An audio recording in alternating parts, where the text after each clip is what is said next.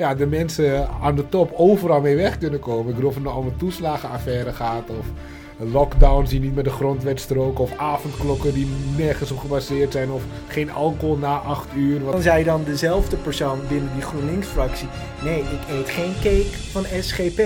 Want die was daar dan weer opeens heel principieel in. Terwijl als jij problemen hebt met de SGP, heb je ook problemen met de opkomst van het salafisme.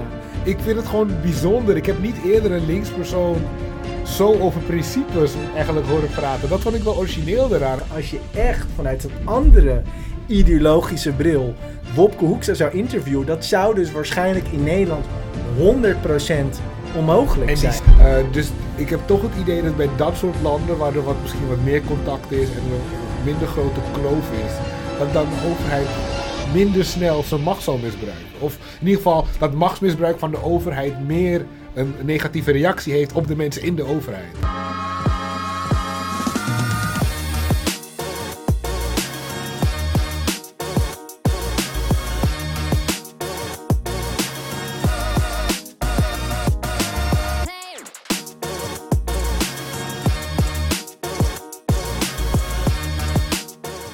Nou, goed om uh, weer terug te zijn, Jernas. Sorry, ik een paar weken ben weg geweest. Waarom eigenlijk? Ja, ik ben uh, vader geworden. Ik vond het zo gezellig thuis. Even geen zin had op een podcast te maken, maar vanaf nu... Elke week? Gaan we echt elke week weer een goede show uh, op de mat zetten. Zeg je dat goed? Op de mat zetten? Ja. Kan dat? Ja, oké. Want als we het toch hebben over de mat, laten we het hebben over de grasmat van Newcastle United. Ja, die is gekocht door uh, een Saoedische staatsbedrijf. En dat was voor jou echt dieptepunt van de week of van de afgelopen Ja, het, het, is gewoon heel vervelend omdat het zo'n mooie sport is en ja, wat je dan krijgt is uh, dit soort uh, staatsbedrijven die clubs kopen. Je hebt het gezien bij PSG en bij Manchester City. En ik vind dat het wel leuk is voor de dynamiek. Dat er nieuwe clubs, weet je, de grootste prijzen kunnen winnen. Maar voetbal wordt propaganda tools. Voor ja, en het, ik vind ook dat het uh, ja, voor de mensen die kapitalisme willen afzeiken, die zullen dan vaak hiernaar grijpen. En zeggen, kijk wat er gebeurt met kapitalisme. Dit krijg je. En nou, dit is op zich best een goed punt. Want dit heeft niks te maken met kapitalisme. Het zou nooit mogen bestaan, maar het gebeurt wel. Maar zou je dan zeggen dat de Premier League dit zou moeten kunnen blokkeren? Of ja, dat de Britse 100%. Ja.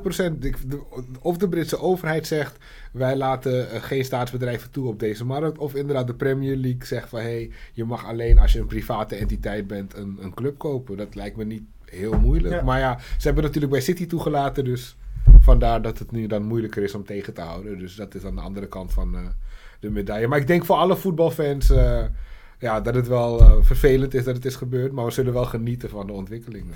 Dat zo werkt het ook alweer. Zo werkt het ook wel weer.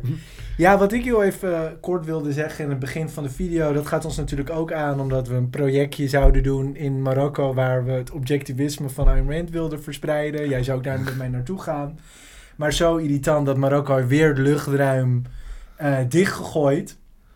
En wat heel erg gek is aan deze situatie, en dat is iets waar ik langere tijd al een beetje mee worstel, is van waar is de overheid nou precies mee bezig met dit hele coronabeleid? Is het gewoon, ze zijn heel erg bezorgd over de gezondheid van hun burgers?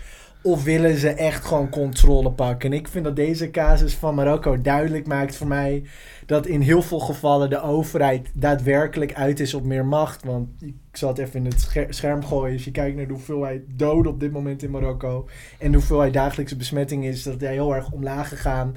En heeft Marokko net de afgelopen paar maanden de piek gehad.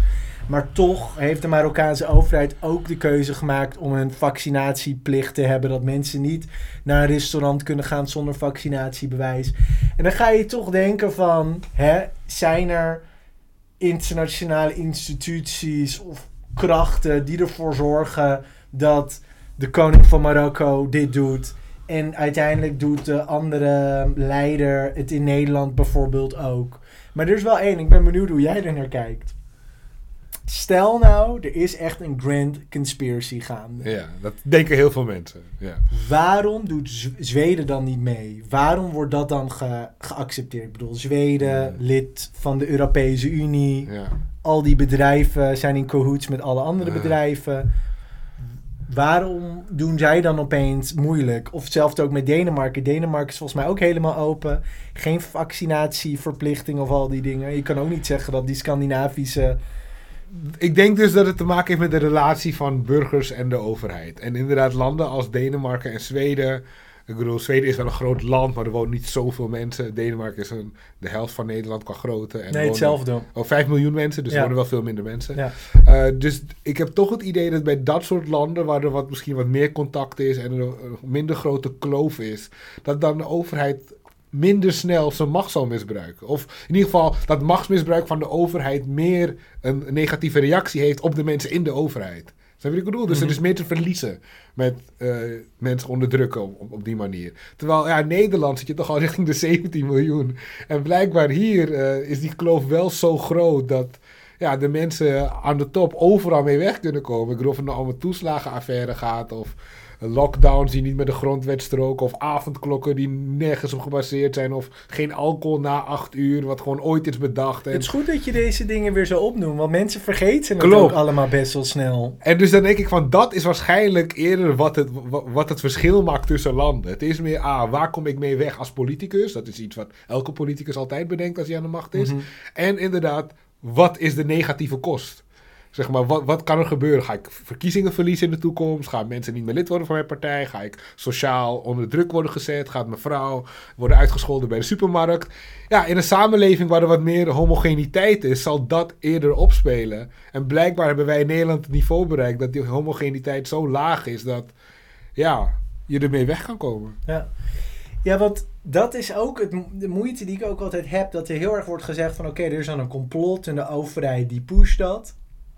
Maar wat ik denk, wat heel veel van die mensen dan niet zien... en ik denk dat het ook een beetje komt omdat ze in hun bubbeltje zitten op YouTube... is dat heel veel mensen zijn het heel erg tevreden met het beleid van onze overheid. Want op dit moment, VVD staat nog steeds op 34 zetels. En soms in de plussen. En ik weet dat dat heel lastig is. Want soms zijn er mensen als poppenkast en ze pakken Mm. ons macht. En heel veel mensen beginnen wakker te worden. Ja, misschien de mensen waar... Ja, ik ben daar ook veel in contact met dat soort mensen. Worden een soort van wakker van de kwaad van de overheid. Maar Mm. heel veel mensen zien het echt totaal niet. En zolang dat niet verandert, dan gaat er geen verandering komen. Want ook als je erover nadenkt, weer over die toeslagenaffaire... Dat is echt zo chockerend dat dat heeft kunnen gebeuren. Maar heb, heeft de overheid daar nou uiteindelijk last van gehad, dit Mm. kabinet? Helemaal niet, want ze zouden nu weer een nieuw kabinet kunnen vormen met dezelfde hoeveelheid zetels. En ja, wat kan ik er En ja, het is interessant om dan te vergelijken met een land als Oostenrijk, hè, waar je een jonge centrumrechtse premier had, à la Koert. Ja, Eh, die regeerde met de Groenen. En nou ja, het is heel schandaal uitgekomen van dat zijn partij, als het ware, eh, positieve media heeft gekocht. eh, via allerlei lijntjes. En nou, hij wordt onder druk gezet als een coalitiepartner en hij staat op. Hij zegt van, nou, ik kan het niet meer verdedigen. Er is geen vertrouwen meer in mij. ik ben weg. Niet Ja. helemaal, want hij bleef wel zitten in zijn partij. maar ja, in zijn partij, maar als premier. ja. En dat vind ik wel van, ja, kijk, dat is wel een gezonde manier hoe het hoort te werken. Dat had Rutte ook makkelijk kunnen doen. Maar er is iets in Nederland waarom hij dat gewoon niet hoeft te doen. Mm. En dat is eh, iets waar we de vinger op willen leggen. Misschien is het hoofdtopic van deze show een aanleiding, of in ieder geval een, een poging om die verklaring te zoeken. Want we willen het deze week hebben over hoe het maatschappelijk debat wordt gesmoord. En het gebeurt op verschillende niveaus. Maar we En wat bedoel je daar met dan mee met dat het maatschappelijk debat wordt gesmoord? Nou, ik had dit laatst ook besproken toen ik gast was bij Cine Özil. Maar dat er eigenlijk eh, de steeds minder debat mogelijk is. En dat er ook gewoon steeds minder debat is. Dat het vrij zeldzaam is om gewoon twee mensen met elkaar in debat te zien op tv die niet namens een partij daar zitten. En zelfs dat is al vrij zeldzaam. Om mensen van namens een partij op een tv-show te zien debatteren tegen elkaar. Mhm. Dus ja, debat is gewoon heel zeldzaam geworden in Nederland. Terwijl dat vroeger toch echt niet zo was. Tenminste in de jaren negentig en ook rond de periode van Fortuyn.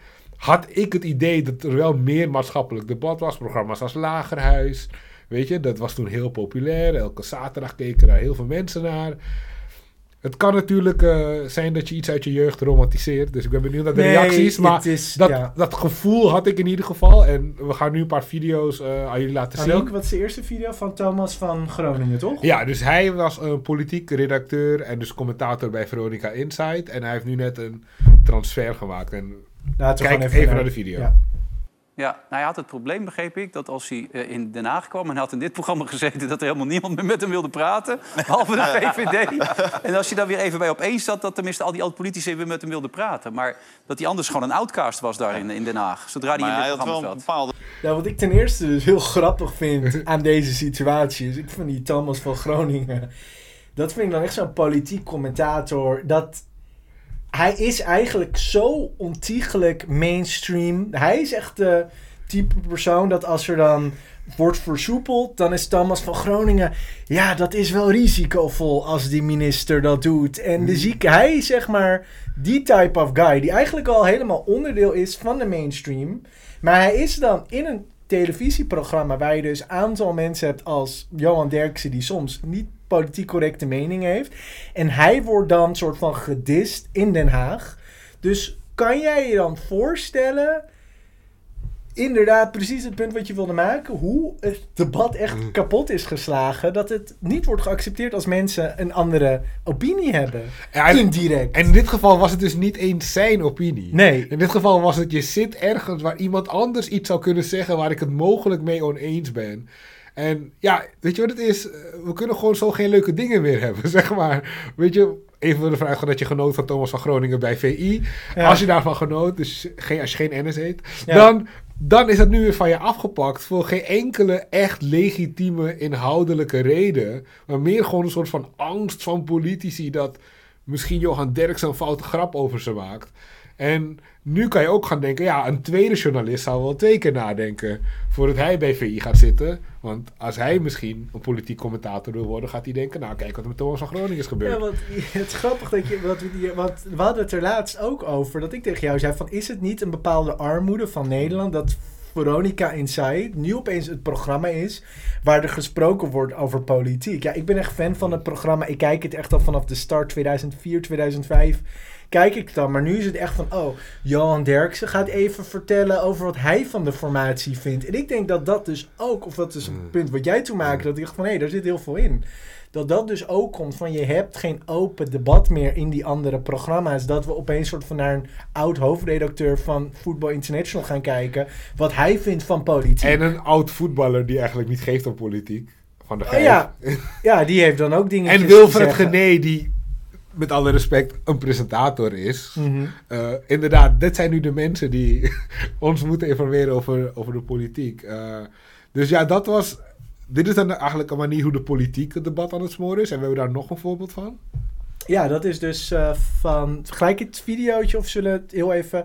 Ja, nee, ik denk dat we misschien wel kunnen zeggen. Jeroen Wollaars die had de Sonja Barend Award gewonnen. En dit is dus bij Galit en Sophie. Waar... dat is een prijs dus die je krijgt voor, de, voor het beste interview. Hier zit hij dus in de talkshow bij Galit en uh, samen met Sonja Barend. En dan gaat het even over dat interview met Hoekstra en de gevolgen. Daarvan. Ja, en dat, en, dat, en dat vind ik dus ook heel interessant. Want dit toont ook weer aan, zo'n situatie, dat ook de NPO is op die manier niet in cahoots met politici. Er zijn mensen die letterlijk hun werk heel goed proberen te doen uit hun ideologische bril. Want uh, Jeroen Wollaars, die zegt dat hij letterlijk maanden heeft voorbereid op die interviews. Want tijdens de verkiezingen zouden ze alle lijsttrekkers gaan interviewen. En dan hebben ze, ik kan het heel eventjes misschien uh, er heel even bij halen. Er werd gezegd van. Tot op de minuut nauwkeurig hadden ze uitgestippeld wie, wat en wanneer zou zeggen. Wollars had het gesprek vooraf gespeeld als oefening met de zoete in de rol van Hoekstra, die steeds verschillende antwoorden gaf. Als de CDA-lijsttrekker dit zou zeggen, dan zou Wollars zo reageren. En als hij iets anders zou zeggen, lag er dan ook weer een reactie klaar. Alle mogelijkheden waren in het draaiboek vastgelegd tot op de minuut nauwkeurig, om, om de, om, ook om de balans in het live gesprek te houden. Dus het toont aan van die mensen zijn serieus bezig met hun werk. En hij heeft dus nu die prijs gewonnen. Laten we even de video introduceren. Wat, laten zien wat zij daar dan over te vertellen hadden. En zoals ik net zei, er wordt wat afgepraat op de televisie. Maar dit is dus eigenlijk uitzonderlijk. Terwijl uh, een van de juryleden zei, en daar ben ik het heel erg mee eens. Um, als je nu hoort van Jeroen hoe dat wordt voorbereid, is dat een enorme uitzondering dat er zo'n prachtig gesprek en zo goed gevoerd wordt. Terwijl het eigenlijk zou dat normaal moeten zijn. Dit zou de norm moeten zijn. En het, Ja. streven, eh, en het streven dan natuurlijk ook. Ja. Ja, dat, kan ik, dat, dat ben ik heel volmondig met je Maar mee wat, eens. wat hier wel lastig aan is, en daar wil ik ook wel een punt van maken, is dat wanneer je dit doet, we zijn er ook best wel op aangekeken door sommige politici die dit heel eng vinden. En dan denk ik, het is wel eh, je zure plicht als politicus om een beleefd, vriendelijk, maar kritisch gesprek af en toe te ondergaan. Als jij Ja. in dit land zo'n functie wilt uitoefenen. En En dit eh, slaat weer terug op het punt wat ik eerder maakte over die kloof. Dus ik ben ervan overtuigd dat in een land met een kleinere kloof eh, je hier niet mee weg zou komen als politicus.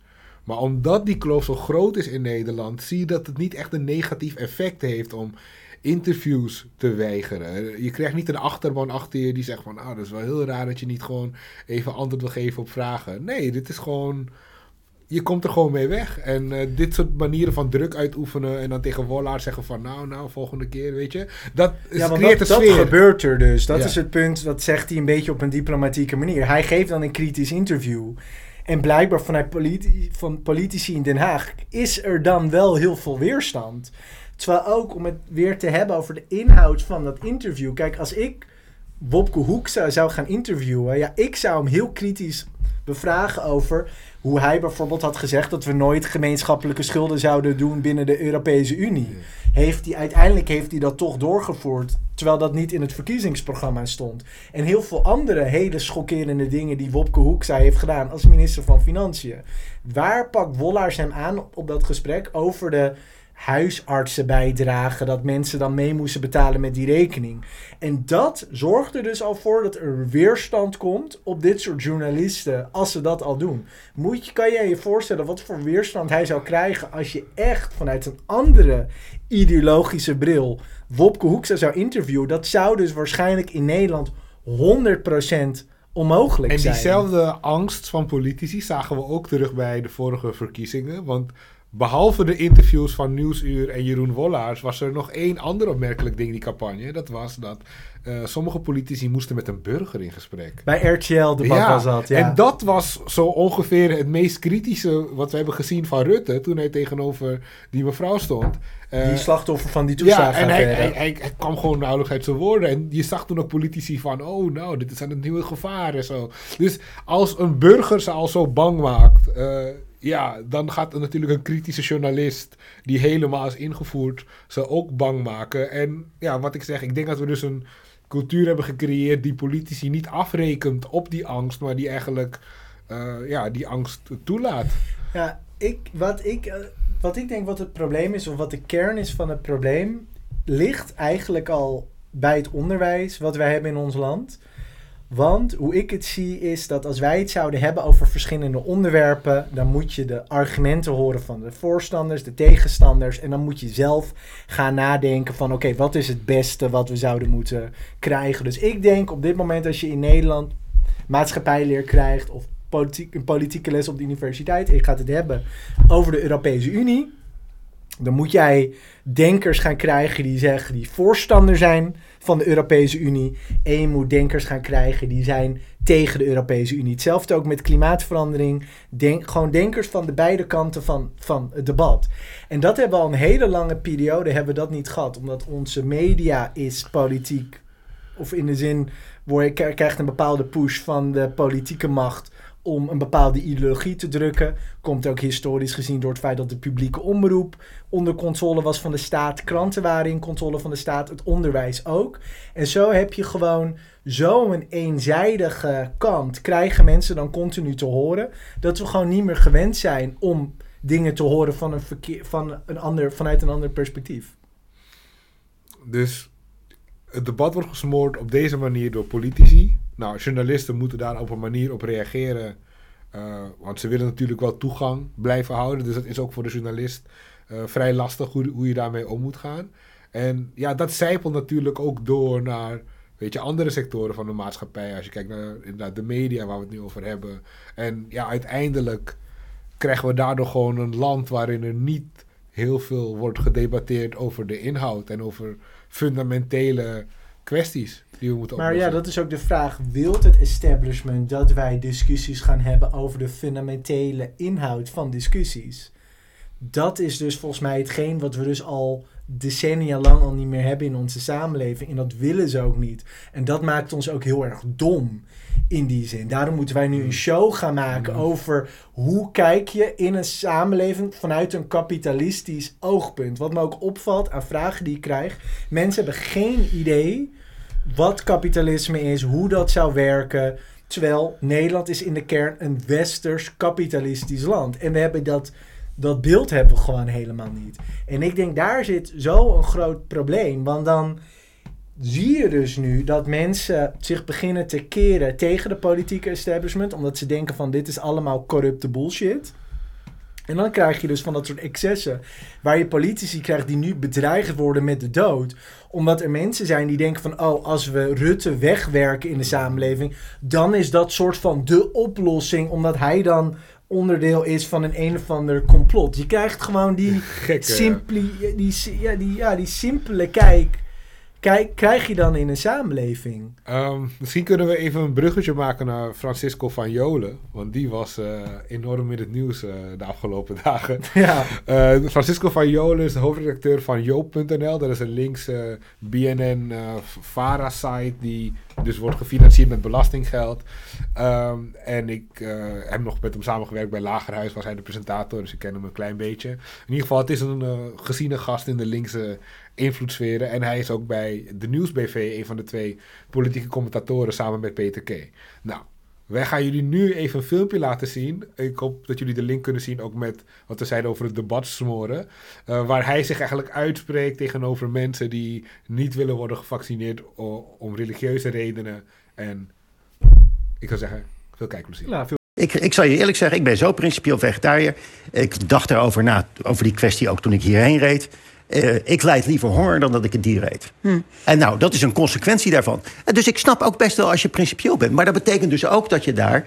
En, maar zo, omdat ik vegetariër ben, is het niet zo dat jij honger moet lijden. En dat is wat zij wel doen. En daar gaat het mis. Dus wat jij Ik zegt, van als je dat besluit... dan moet je ook niet een ziekenhuisbed willen hebben. Bijvoorbeeld. En Dat- ja, want laat het dan. Bijvoorbeeld, ik neem dus ook geen medische behandeling. Ga maar lekker dood. Ik wil wel wat anders zeggen. En daarom is wat ik hier. Ik weet heel Ja. niet wat ik hiervan moet Ik, vinden. nou, ik wel. Ik wil er wel wat anders over zeggen. Want Nou, heel kort wel- dan, want nou, ik omdat het heel lijkt alsof de EO hier heel open is. Maar het is iets veel. Kijk, die SGP en zo, dat wordt steeds kleiner, dat sterft vanzelf uit. Er is een veel gevaarlijke club. En dat is de Pinkstergemeente. Daar zitten ook antivaxers bij. En die worden net zo goed bediend door de EO. En die krijgen wel vrij baan. En daar besteden ze wel aandacht aan. En die zouden ik wil nu afronden. Dank je Ja, Jernas, toen je mij deze video liet zien, ik vind het echt zo een walgelijk persoon om op zo'n manier te praten van oh, val maar lekker dood. En ik zou niet eens weten waar ik zou moeten beginnen met deze video. Echt waar. Wat een zo'n nare, nare vent. Echt waar. Hmm, zal ik dan toch even een contraire positie innemen? Kijk, ik vind op zich het punt dat hij maakt over principes, daar heeft hij wel een kern van waarheid zit daarin. Namelijk, uit principes maak je bepaalde keuzes. Dat, dat is een bepaald offer, dat, dat gaat bepaalde consequenties hebben. Vegetarisch zijn is een goed voorbeeld, maar je kan zoveel andere dingen bedenken waar, je voor kiest om het niet te doen of kiest om het juist wel te doen. En ergens snap ik ook zijn gedachtegang. Als jij denkt dat eh, God eh, gaat over jouw gezondheid, als dat jouw heilige overtuiging is, als jij geen vaccin wil nemen, als jij dat allemaal niet wil, is het op zich een beetje apart dat je dan wel weer wil worden- behandeld als je ziek bent. Want je zou kunnen zeggen, diezelfde God zit daarachter. Maar dit is wel iets wat binnen mensen hun persoonlijke vrijheid valt. En deze mensen betalen ook belastinggeld waar die ziekenhuizen van worden gebouwd. Dus in die zin hebben ze gewoon daarom alleen al een recht op een ziekenhuisbed, om het zo te zeggen. Niet in hoe wij het zien, maar wel in hoe het huidig is geregeld in Nederland. Uh, alleen het opvallende ervan, en dat zag je ook heel veel reacties, is dat ze zeiden: ja, dit is hoe je praat over christenen. Maar zo zou je inderdaad niet praten over moslims. Ik denk dat het waar ja, is. klopt. Maar ik denk dat we daar later over Het is zouden... niet de kern. Het is niet de kern. Ja. het punt wat ik wel wil maken... en ik hoor meerdere mensen dit argument gebruiken over... oh, mensen die niet gevaccineerd zijn... die hebben dan geen recht op gezondheidszorg. Waar, in welk ander opzicht in de samenleving passen we dat principe ook toe? Ja, dus dit... Want ja. als iemand ervoor kiest om blijven te eten... en je hebt heel zwaar overgewicht of Mm. heel veel overmatig te drinken... en jij krijgt uiteindelijk een nier, probleem met je nieren... is ook niet dat we dan zeggen van... oh, val maar dan dood. En dat, die, ja, die zie ik gewoon niet. Nee, nee, klopt. En dat, dat vind ik dus interessant, want dit is iemand die heel links is. Dus ik vind het heel interessant dat iemand die heel links is er enorm op hamert dat mensen als het ware voor zichzelf een soort van moeten zorgen of zeg maar één lijn moeten bewandelen. Dus inderdaad, als je het zo tegen hem zegt, zou je ook zeggen: oké, dus iemand die arm is. Dat is ook het gevolg van zijn keuzes, als het ware, die hij heeft gemaakt. Om, en daardoor is hij arm. Zou je ook kunnen zeggen, als dat hetzelfde conclusie is bij een ongevaccineerde die op een ziekenhuisbed terechtkomt. Dus ik vind het gewoon bijzonder. Ik heb niet eerder een linkspersoon zo over principes eigenlijk horen praten. Dat vond ik wel origineel eraan. Alleen En hoe hij trekt de lijn. denk je dat hij is als hij honger heeft... dat hij niet vlees gaat eten? Nee, kijk, dat Ja. weet ik niet. Maar ik vind, ik zeg inderdaad, Francisco, trek die lijn dan door. Als je echt gelooft in een soort van mensen moeten staan voor hun keuzes en het resultaat van hun keuzes is voor de mensen zelf, dan ken ik ook nog wel wat gebieden waar we dat zouden kunnen toepassen. En daar zou hij het nooit mee eens zijn. Dus ik vind het apart, want ergens vind ik het leuk dat iemand over principes begint en daar een punt van maakt. Maar ja, ik denk gewoon dat hij niet helemaal door heeft hoe dit zou werken als we dit op, op maatschappelijke lijn door zouden Ja, trekken. maar ook weer wat hij dan ook weer zegt van... oh, die EO, die moet geen platform geven aan anti-vaxxers. Maar dat is dus weer het probleem waar we terugkomen. Van Klopt. je moet in een debat, moet je mensen met verschillende opinies ruimte laten. En dat is dus wat je ziet, wat heel veel linkse mensen niet willen. Die willen die ruimte niet laten. Je ziet het nu ook met Dave Chappelle. Maakt misschien wat foute grapjes in een show. Willen allemaal mensen binnen Netflix willen gaan staken en ik weet niet wat allemaal. Dat je ziet gewoon dat fundamentele vrijheden gewoon in die zin dan onder druk komen te staan. Door dit soort pannenkoeken die voor de rest wilt bepalen hoe je moet leven. Ja, nee, dus dat vond ik, dat vond ik zo bijzonder als een betoog van... eh, En je wilde nog die link maken naar het christendom, waar Zini Usdiel laatst ook een column over had geschreven Dus, eh, Elsevier. Ja, Sini, eh, die is de laatste tijd een beetje bezig met een soort campagne om het christendom te redden. En wat hij eigenlijk, een van zijn punten is van, kijk jongens, christendom heeft heel veel betekend voor Nederland. is gewoon een vrij belangrijke religie. Miljoenen mensen in Nederland hangen deze religie aan. Maar als je kijkt naar hoe ze worden behandeld in het maatschappelijk debat, door comedians, noem maar op. Mhm. Dan is het wel zo dat inderdaad het christendom als het ware het makkelijkste is om grap over te maken. Ik bedoel... Er zijn niet zoveel Joden in Nederland, maar Jodendom is niet heel populair om grappen over te maken. Joden zijn helemaal niet populair om Mhm. Nee, over te nee, maken. nee. Dus dat valt een beetje weg. Nou ja, de islam, we weten allemaal hoe dat zit met Charlie Hebdo en die dreigingen. Van een tekening kan je al de kop kosten, letterlijk. Ja. Dus ja, maar voor christendom hebben we dat totaal niet. Ik bedoel, er is grove grappen zijn gemaakt over Jezus en geiten. En, en, en dat vind ik allemaal in principe prima. En in elke show, dit was het nieuws of weet ik veel wat, kan je altijd een grapje maken over waar je Petrus erbij haalt of Maria, Mhm. die een hoer is of zo. En mensen zouden gewoon lachen. Niemand zou er twee keer over nadenken of zich heel erg gekwetst voelen. Maar Eh, wat is precies dan het punt wat je wil maken? nou ja, het punt dat ik wil maken is dat het wel zo is dat het christendom eh, duidelijk anders wordt behandeld in Nederland en niet met hetzelfde respect dat de andere religies krijgen. En de vraag is, is dat een positief iets? Moeten we daar blij mee zijn? En ja, hoe is dat te verklaren? En dit is er weer een instantie van, dat iemand toch dat gemak, weet je, fucking christen, ga maar dood. Dat zie ik hem inderdaad niet doen bij een andere eh, religie. Dus is het een negatief ding of is het misschien juist positief? Ja, ik zou het liefst hebben dat een persoon dat over alles kan zeggen. En ik denk dat door het feit dat christenen dan misschien worden gezien als meer geciviliseerd. Dat dat soort progressieve mensen dan dapper genoeg zijn om die dan wel aan te kunnen vallen. Maar met moslims niet. En misschien komt het ook weer terug op het altruïsme. Dat christenen zijn niet zielig in Nederland. Die Mm. hebben gewoon een sterke positie in de samenleving. Moslims zijn dan een soort van zwak, zielig, worden gediscrimineerd. Daar kan je dan niet bij doen. Kijk, het punt van, van Sini onder meer is dus dat er wel degelijk een groep mensen is die zich heel- hier heel slecht over voelt. Maar dat die inderdaad niet zo zichtbaar zijn. Weet je, die wonen in de provincie of die wonen in ge- ja, gebieden waar gewoon niet... Heel stigmatiserend. Die christenen wonen weer in de provincie hoor. Nou ja, er wonen in de provincie heel veel christenen. Ik snap precies Ja, wat je zegt. en dat hij dus eigenlijk zegt van, er is eigenlijk een soort leed dat we niet zien, wat toch door de christen wordt aangedaan. En ja, daar zou ook wat aandacht voor moeten zijn. Hij wilde het zelfs bij wet, een soort van discriminatiewet invoeren. Ik weet niet of het volledig serieus was of meer, zijn linkse eh, kant. of meer eh, polemiek bedoeld was, Mhm. maar oké. Eh, en het, ja, dus het zou wel interessant zijn als dat nu weer een beweging wordt. Dat nu christenen eigenlijk gaan zeggen: Kunnen jullie ons een beetje sparen? Want wij hebben al die jaren de klappen opgevangen. Eh, terwijl ja, jij en ik zouden natuurlijk zeggen: iedereen hoort klappen te krijgen. Ja, maar ja, er zit, ja, ik snap wel wat je zegt. Ik zou wel graag nog een... eh wat ik vond dat Zini Usdiel dus in zijn column een best wel mooi voorbeeld gaf. Dat ik dacht van, wauw, dat vond ik heel goed gezegd. Dus hij zat in, in GroenLinks, in de fractie. En hij dacht op een gegeven moment van, oké, ik ga kritiek hebben op de islam. Ja. Door het feit dat ze ja, bepaalde mensen in de samenleving onderdrukken. En hij was daar stellig over. En dat volgens mij scholen niet meer gefinancierd moesten worden uit Saudi-Arabië en al die En Turkije. en, Turkije en al Ja. die zaken. En toen waren er dus mensen binnen zijn fractie die zeiden van hey Zini, doe eens rustig. Waar ben je nou mee bezig? Waarom val je die mensen aan, die religie, bladibladibla. Maar op het moment als dan de SGP, weet ik veel, 100 jaar oud was... en de SGP deelde dan cake uit in de Tweede Kamer bij de fracties... dan zei dan dezelfde persoon binnen die GroenLinks-fractie... nee, ik eet geen cake van SGP. Want die was daar dan weer opeens heel principieel in. Terwijl als jij problemen hebt met de SGP... heb je ook problemen met de opkomst van het salafisme. Maar dat dan weer niet. En dat is dus die rare double standard die ze hebben, binnen, die er is binnen links Nederland. Dus we kunnen twee kanten op gaan. Of we gaan inderdaad de islam en jodendom en alle andere religies nu net zo hard eh, bekritiseren als christendom. Ene iets meer risico dan bij de andere, weet je. Of we moeten nu inderdaad die pas op de plaats gaan maken en gaan zeggen van nou ja, als we bij die religies ook zo op onze tenen lopen bij alles wat we zeggen, misschien moeten we dat nu bij christenen meer gaan doen. En ik heb het idee dat we nu meer die richting uitbewegen.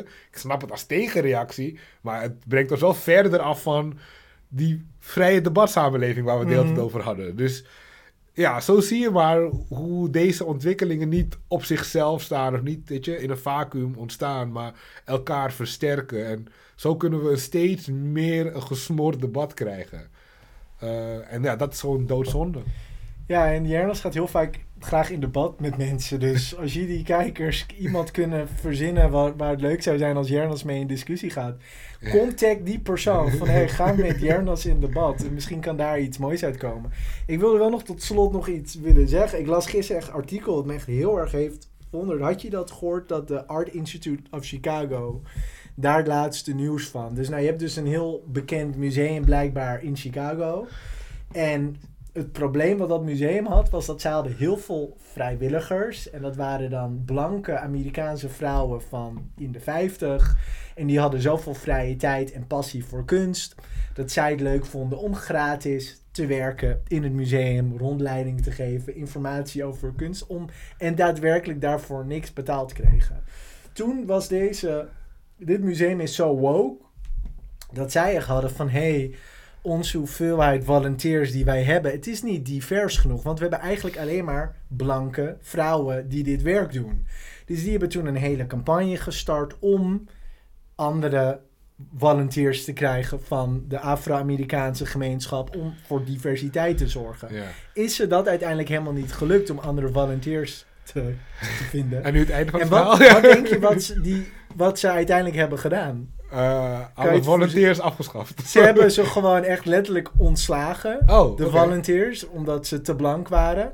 En hebben ze nu Afro-Amerikaanse mensen in dienst genomen. Betalen ze 25 dollar per uur. Die dan nu dat werk gaat overnemen van die vrijwilligers. Dat is toch echt. Waar gaat het naartoe? Ik maak me toch zorgen om de toekomst van mezelf. Ja, Waar nee, dit ja dit, dit is op zich natuurlijk relatief klein leed, maar dit is wel inderdaad waar ja, dit zieke gedachtegoed eh, naartoe leidt van quota, van diversiteit, emancipatie, al die onzin. Maar dat je vrijwilligers gaat ontslaan. Die gewoon gratis werk willen leveren. Het kan angst zijn voor slechte publiciteit. Iemand wil geen krantenartikel hebben over dat iedereen wit is die daar werkt. Ja, ik weet niet Ja, precies wat die mensen motiveert. enough, Hè, fair maar- enough. Maar waarom, als je bijvoorbeeld kijkt de National Baseball Association. In Amerika, ook als je naar sportwedstrijden gaat, qua, zijn donkere mensen overal in de wereld zijn qua sport beter dan andere rassen. Dat zie je ook helemaal terug in basketbal. Wie doet daar moeilijk over? Dat je een team hebt waar je alleen maar... Toevallig is de sport die je noemt dan weer de meest blanke sport samen met eh, hockey in Amerika. Dus, eh, Qua kijkers. Nee, ook qua spelers hoor.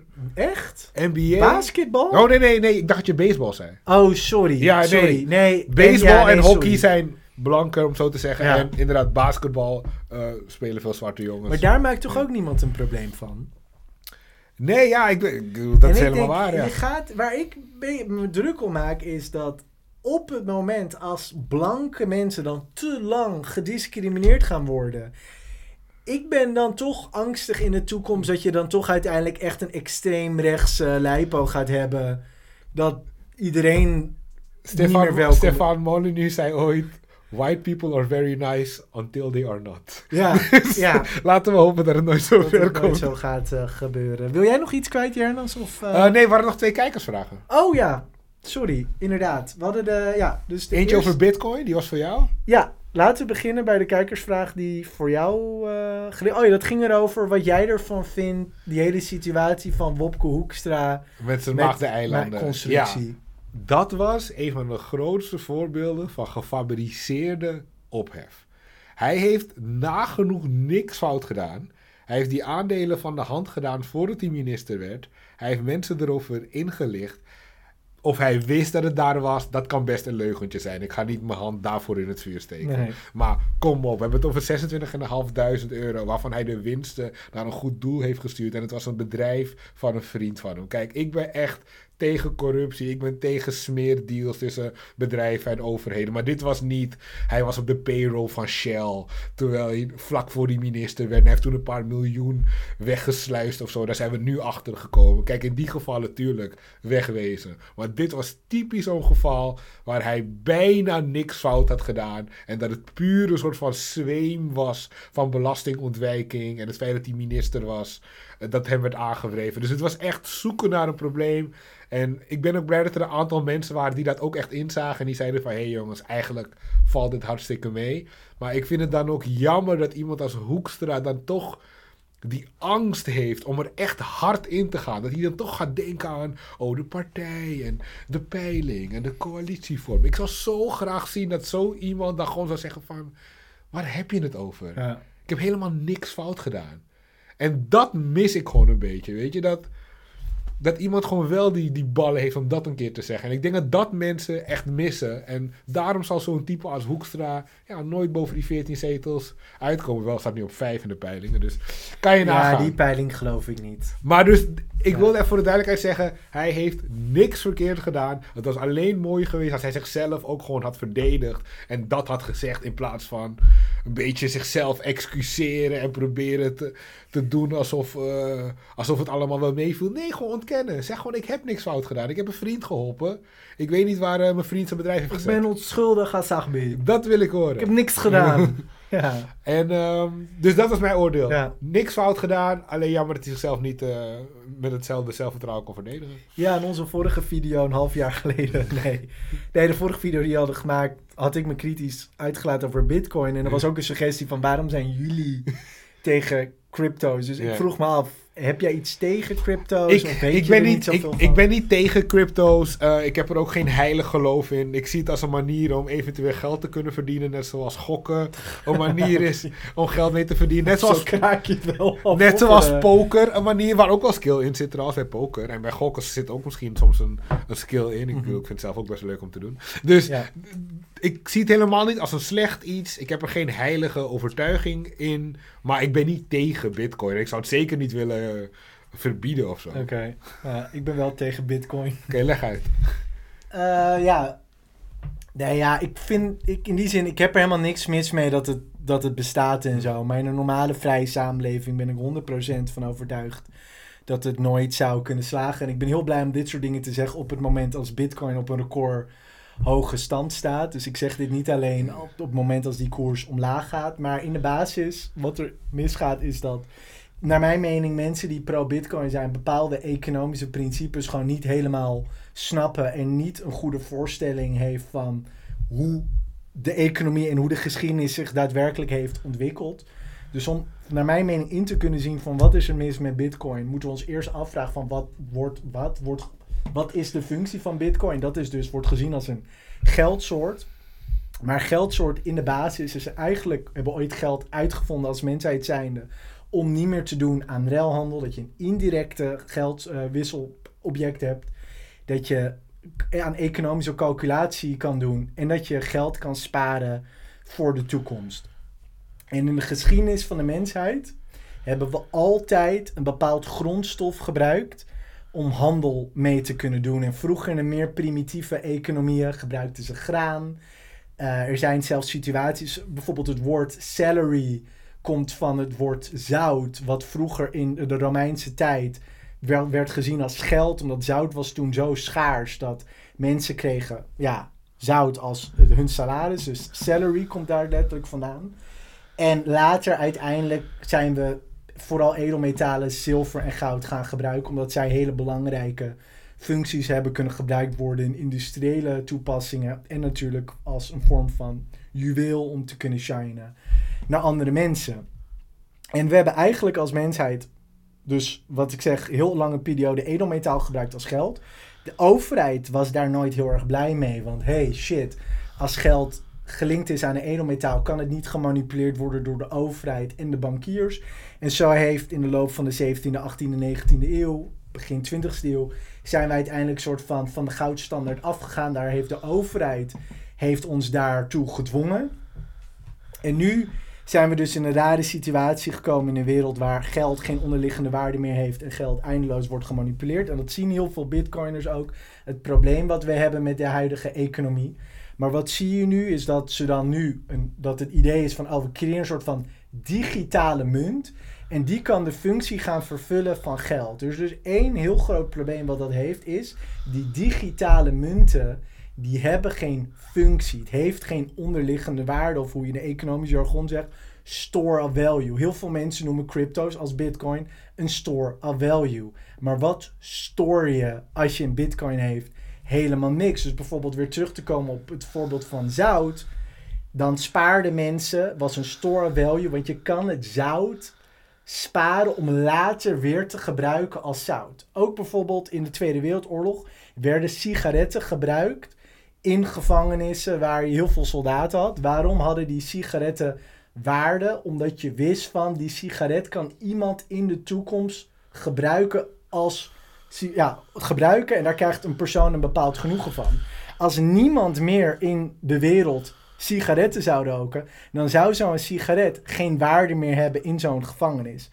Edelmetaal, idem dito.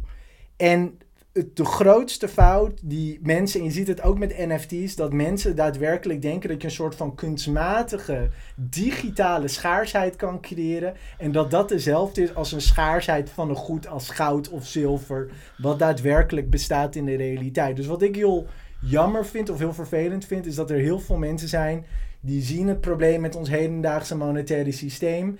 En die denken van, oh, crypto is soort van mijn uitkomst. Terwijl dat naar mijn mening alleen maar voor gaat zorgen dat je nog meer geld gaat verliezen in de, in de toekomst. Omdat het nooit zou kunnen functioneren als geldsoort. Maar ik bedoel, maar je kan natuurlijk wel op het juiste moment instappen en uitstappen op de trein, als het ware. Ja, natuurlijk. Je kan speculeren, maar je kan in alles. Je had ook in tulpenbollen kunnen speculeren. Weet je, tuurlijk, je kan er geld mee verdienen. Ik heb er ook geld mee verdiend. Dat is het niet. Ik heb Oh. ook... Nee, maar ik ga daar niet over liegen. Want ik, was, vorig jaar was er zo'n situatie. Elke video die ik maakte over monetaire theorie was... De reacties, koop bitcoin, koop dit, dat. Dat ik echt dacht van... meeste mensen zien dit echt als soort van alternatief. En toen heb ik er ook in gestapt. Ik moet eerlijk zijn, altijd ook weer te vroeg uitgestapt. En dan weer... Weet je, omdat ik er ook niet helemaal vertrouwen in had. Maar het zal nooit kunnen functioneren als geld. En wat ik ook irritant vind, is dat er een soort van hele industrie eromheen is ontstaan met echte pancakes die soort van geld. Noem een paar namen, noem een paar namen. Noem een paar namen. We willen namen horen. Ik ga geen namen noemen. En de reden waarom ik geen namen ga noemen is dat die mensen respecteer ik ook voor het feit dat ze de juiste fight hebben. In de zin van, zij strijden ook tegen de bullshit wat we krijgen van de ECB. En die mensen proberen mensen ook te onderwijzen over de gevaren die we dit moment hebben met onze Oké, economie. Dus maar het zijn dus mensen zijn- met YouTube-kanalen in Nederland die Oh ja, absoluut, vindt. Ja. absoluut, absoluut. En dat, dat, ja, daar heb ik dan ook problemen mee. En die gaan dan... eh, want neem om even duidelijk te maken waarom ik ze niet direct bij naam zou willen noemen, is dat ik zie niet dat dat een functie heeft. Want zij zijn voor mij niet mijn tegenstander in die zin. Als Nee, ik maar het is wel leuk praten, voor de kijker dat hij weet Ja, ik snap het, maar ik gun het, ik gun het die personen niet. Zeg maar, ik, ik ben niet hun tegenstander in die zin. Ik wil niet die impressie. ik, wil, ik wil de debatcultuur wil ik, wil ik, wil ik open houden. En dan heb je zo'n situatie dat die mensen dan gaan zeggen van... oké, die prijs gaat zo zijn in de toekomst... en morgen is het zo. En ze hebben gewoon allemaal larikoek. Ik bedoel, ik heb heel veel vrienden van mij werken... bij allemaal verschillende investment firms, private equity firms... en ik vraag ze... Want ik heb me ook verdiept in die dingen in het verleden. Van bestaat dat soort technische analyses? Nee, absoluut niet. Dat gebruiken wij nooit in de bedrijven die we hebben. En dan zie je gewoon dat er mensen zijn. Ja, die verdienen dan denk ik, die krijgen iets te veel aandacht en verdienen misschien iets te veel geld. Terwijl ze misbruik maken van de domheid of de gebrek aan kennis van de kijkers die ze hebben. Maar dat is het mooie aan de samenleving. Uiteindelijk gaan we zien wie gelijk gaan hebben. Misschien hebben die mensen ervoor gezorgd dat hun kijkers onwijs rijk zijn geworden. Maar ik denk dat het tegenovergestelde Nou, dit zijn. was een aflevering van Veronomics. Dat was weer een nieuwe aflevering. Ja. Nou, ik denk dat we bij het einde zijn gekomen. Eh, graag hoor ik jullie reacties op deze video. Topics die we misschien volgende week kunnen behandelen. Mensen die willen weten welke namen Ennis niet En de wilde noemen. Is daar al wat nieuws over? Nee, daar wil jij misschien nog iets over vertellen. Nou ja, mensen kunnen zich er natuurlijk voor aanmelden. Wat is het e-mailadres? Ja, we krijgen binnenkort echt een officiële website voor de ding. Maar voor nu is het info.philonomics.com. Ook voor mensen die pro-bitcoin zijn, allemaal welkom in onze mooie familie. We hebben ook echt al heel veel aanmeldingen ook al gehad van mensen. En eh, ja, ik denk echt dat we meerdere gezellige boekclubs kunnen gaan eh, organiseren. Mensen met coronapas zonder. Dus iedereen, iedereen is welkom. Dus ja, graag jullie reacties, jullie comments, feedback. En wij zijn er volgende week Tot weer. volgende week.